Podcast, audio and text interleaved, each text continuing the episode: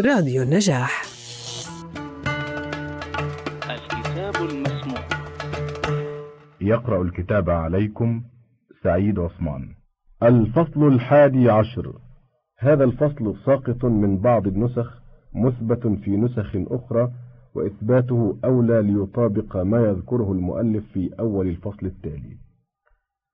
في أن الرئاسة لا تزال في نصابها المخصوص من أهل العصبية.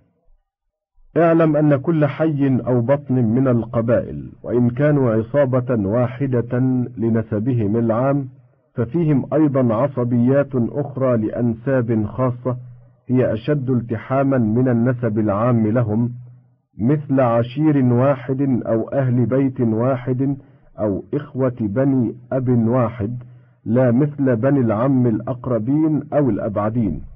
فهؤلاء أقعد بنسبهم المخصوص. ويشاركون من سواهم من العصائب في النسب العام والنعرة تقع من أهل نسبهم المخصوص ومن أهل النسب العام إلا أنها في النسب الخاص أشد لقرب اللحمة والرئاسة فيهم إنما تكون في نصاب واحد منهم ولا تكون في الكل. ولما كانت الرئاسة إنما تكون بالغلب وجب أن تكون عصبية ذلك النصاب أقوى من سائر العصائب ليقع الغلب بها وتتم الرياسة لأهلها. فإذا وجب ذلك تعين أن الرئاسة عليهم لا تزال في ذلك النصاب المخصوص بأهل الغلب عليهم.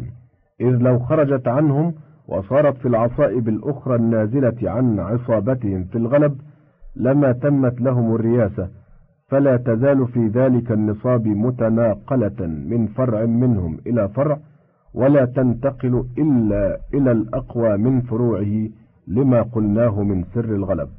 لأن الاجتماع والعصبية بمثابة المزاج للمتكون والمزاج في المتكون لا يصلح إذا تكافأت العناصر. فلا بد من غلبة أحدها وإلا لم يتم التكوين. فهذا هو سر اشتراط الغلب في العصبية ومنه تعين استمرار الرياسة في النصاب المخصوص بها كما قررناه. الفصل الثاني عشر. في أن الرياسة على أهل العصبية لا تكون في غير نسبهم. وذلك أن الرياسة لا تكون إلا بالغلب والغلب إنما يكون بالعصبية كما قدمناه. فلا بد في الرياسة على القوم أن تكون من عصبية غالبة لعصبياتهم واحدة واحدة. لأن كل عصبية منهم إذا أحست بغلب عصبية الرئيس لهم أقروا بالإذعان والاتباع والساقط في نسبهم بالجملة لا تكون له عصبية فيهم بالنسب إنما هو ملصق لزيق وغاية التعصب له بالولاء والحلف وذلك لا يوجب له غلبا عليهم البتة. وإذا فرضنا أنه قد التحم بهم واختلط وتنوسي عهده الأول من الالتصاق ولبس جلدتهم ودعي بنسبهم. فكيف له الرياسة قبل هذا الالتحام أو لأحد من سلفه؟ والرياسة على القوم إنما تكون متناقلة في منبت واحد تعين له الغلب بالعصبية. فالأولية التي كانت لهذا الملصق قد عرف فيها التصاقه من غير شك. ومنعه ذلك الالتصاق من الرياسة حينئذ فكيف تنوقلت عنه وهو على حال الإلصاق؟ والرئاسة لا بد وأن تكون موروثة عن مستحقها لما قلناه من التغلب بالعصبية وقد يتشوف كثير من الرؤساء على القبائل والعصائب إلى أنساب يلهجون بها إما لخصوصية فضيلة كانت في أهل ذلك النسب من شجاعة أو كرم أو ذكر كيف اتفق فينزعون إلى ذلك النسب ويتورطون بالدعوى في شعوبه ولا يعلمون ما يوقعون فيه أنفسهم من القدح في رياستهم والطعن في شرفهم وهذا كثير في الناس لهذا العهد. فمن ذلك ما يدعيه زناتة جملة أنهم من العرب. ومنه ادعاء أولاد رباب المعروفين بالحجازيين من بني عامر أحد شعوب زغبة أنهم من بني سليم ثم من الشريد منهم لحق جدهم ببني عامر نجارا يصنع الحرجان الحرجان بكسر الحاء جمع حرج بفتحتين نعش الموتى. واختلط بهم والتحم بنسبهم حتى رأس عليهم ويسمونه الحجازي. ومن ذلك ادعاء بني عبد القوي بن العباس ابن توجين أنهم من ولد العباس بن عبد المطلب رغبة في هذا النسب الشريف وغلطا باسم العباس بن عطية أبي عبد القوي. ولم يعلم دخول أحد من العباسيين إلى المغرب لأنه كان منذ أول دولتهم على دعوة العلويين أعدائهم من الأدارسة والعبيديين. فكيف يكون من سبط العباس أحد من شيعة العلويين؟ وكذلك ما يدعيه أبناء زيان ملوك تلمسان من بني عبد الواحد أنهم من ولد القاسم بن إدريس ذهابا إلى ما اشتهر في نسبهم أنهم من ولد القاسم فيقولون بلسانهم الزناتي أنت القاسم أي بنو القاسم. ثم يدعون أن القاسم هذا هو القاسم بن إدريس أو القاسم بن محمد بن إدريس. ولو كان ذلك صحيحا فغاية القاسم هذا أنه فر من مكان سلطانه مستجيرا بهم فكيف تتم له الرياسة عليهم في باديتهم؟ وإنما هو غلط من قبل اسم القاسم فإنه كثير الوجود في الأدارسة فتوهموا أن قاسمهم من ذلك النسب وهم غير محتاجين لذلك فإن منالهم للملك والعزة إنما كان بعصبيتهم ولم يكن بادعاء علوية ولا عباسية ولا شيء من الأنساب. وإنما يحمل على هذا المتقربون إلى الملوك بمنازعهم ومذاهبهم. ويشتهر حتى يبعد عن الرد. ولقد بلغني عن يغمراس بن زيان مؤثل سلطانهم أنه لما قيل له ذلك أنكره وقال بلغته الزناتية ما معناه؟ أما الدنيا والملك فنلناهما بسيوفنا لا بهذا النسب. وأما نفعهما في الآخرة فمردود إلى الله وأعرض عن التقرب إليه بذلك. ومن هذا الباب ما يدعيه بنو سعد شيوخ بني يزيد من زغبة أنهم من ولد أبي بكر الصديق رضي الله عنه وبنو سلامة شيوخ بني يدلتين من توجين أنهم من سليم والزواودة شيوخ رياح أنهم من أعقاب البرامكة وكذا بنو مهني أمراء طي أبي المشرق. يدعون فيما بلغنا أنهم من أعقابهم.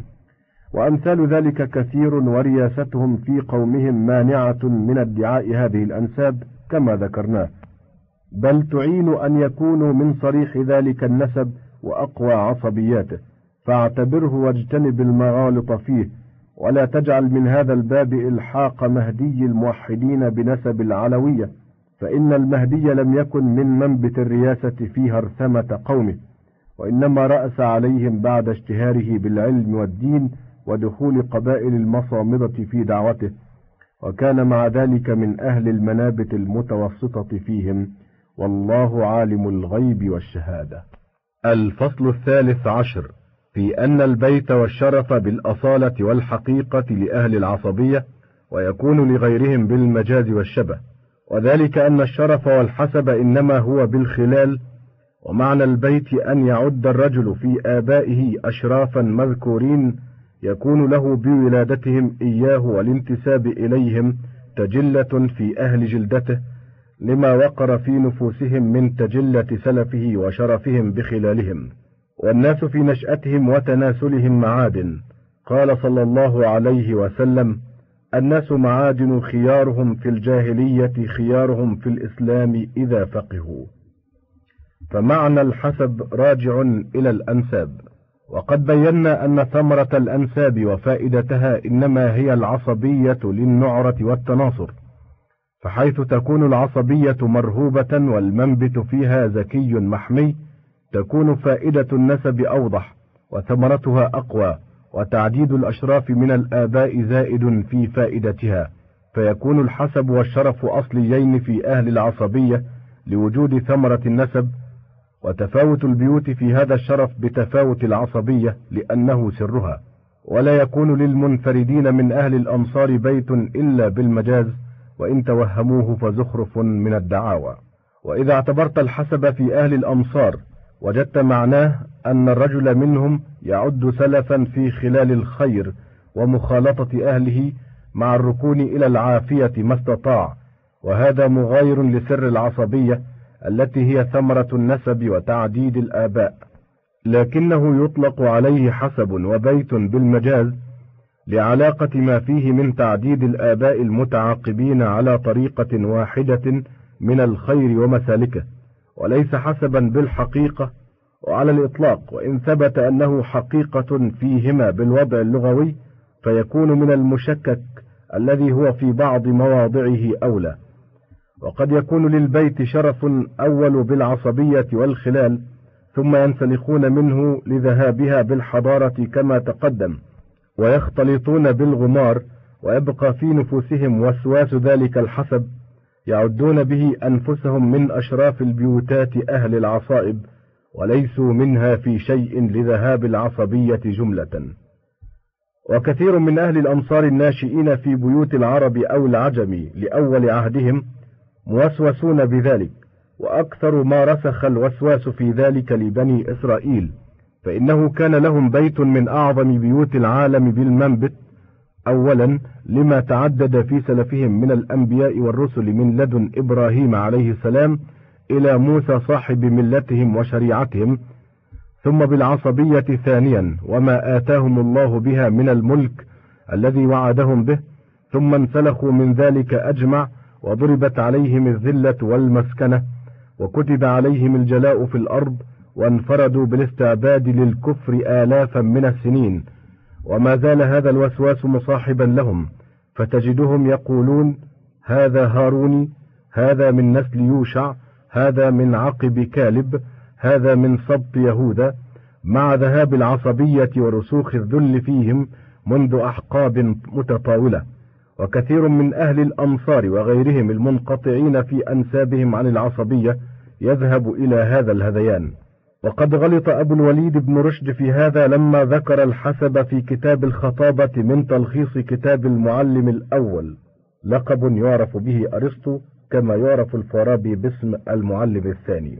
وقد غلط أبو الوليد بن رشد في هذا لما ذكر الحسب في كتاب الخطابة من تلخيص كتاب المعلم الأول والحسب هو أن يكون من قوم قديم نزلهم بالمدينة ولم يتعرض لما ذكرناه. وليت شعري ما الذي ينفعه قدم نزولهم بالمدينة إن لم تكن له عصابة يرهب بها جانبه وتحمل غيرهم على القبول منه فكأنه أطلق الحسب على تعديد الآباء فقط مع أن الخطابة إنما هي استمالة من تؤثر استمالته وهم أهل الحل والعقد. وأما من لا قدرة له البتة فلا يلتفت إليه ولا يقدر على استمالة أحد ولا يستمال هو. وأهل الأمصار من الحضر بهذه المثابة إلا أن ابن رشد ربي في جبل وبلد ولم يمارسوا العصبية ولا أنسوا أحوالها فبقي في أمر البيت والحسب على الأمر المشهور من تعديد الآباء على الإطلاق ولم يراجع فيه حقيقة العصبية وسرها في الخليقة. والله بكل شيء عليم.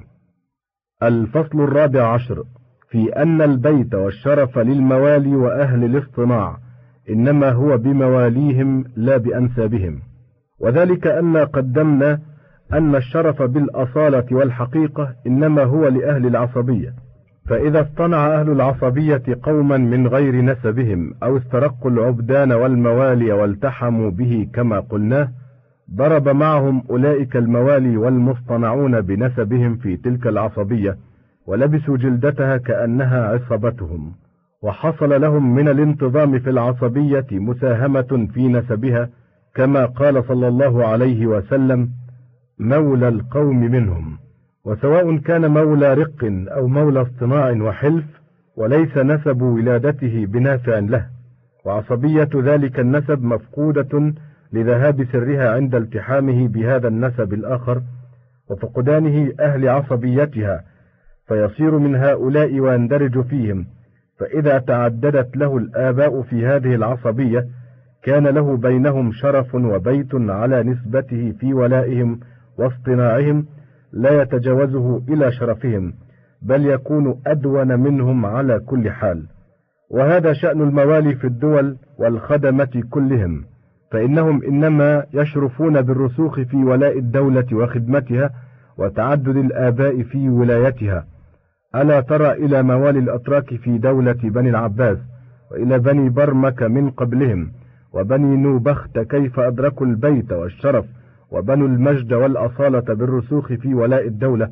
فكان جعفر بن يحيى بن خالد من أعظم الناس بيتا وشرفا بالانتساب إلى ولاء الرشيد وقومه لا بالانتساب في الفرس وكذا موالي كل دولة وخدمها.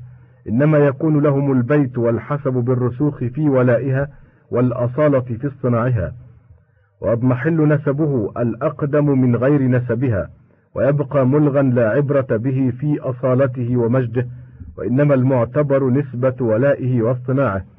إذ فيه سر العصبية التي بها البيت والشرف فكان شرفه مشتقا من شرف مواليه وبناؤه من بنائهم فلم ينفعه نسب ولادته وإنما بنى مجده نسب الولاء في الدولة ولحمة الاصطناع فيها والتربية. وقد يكون نسبه الأول في لحمة عصبيته ودولته فإذا ذهبت وصار ولاؤه واصطناعه في أخرى لم تنفعه الأولى لذهاب عصبيتها وانتفع بالثانية لوجودها. وهذا حال بني برمك إذ المنقول أنهم كانوا أهل بيت في الفرس من سدنة بيوت النار عندهم. ولما صاروا إلى ولاء بني العباس لم يكن بالأول اعتبار وإنما كان شرفهم من حيث ولايتهم في الدولة واصطناعهم. وما سوى هذا فوهم توسوس به النفوس الجامحة لا حقيقة له والوجود شاهد بما قلناه وإن أكرمكم عند الله أتقاكم. الآية رقم 13 من سورة الحجرات. والله ورسوله أعلم. قدمنا لكم من راديو النجاح برنامج الكتاب المسموع.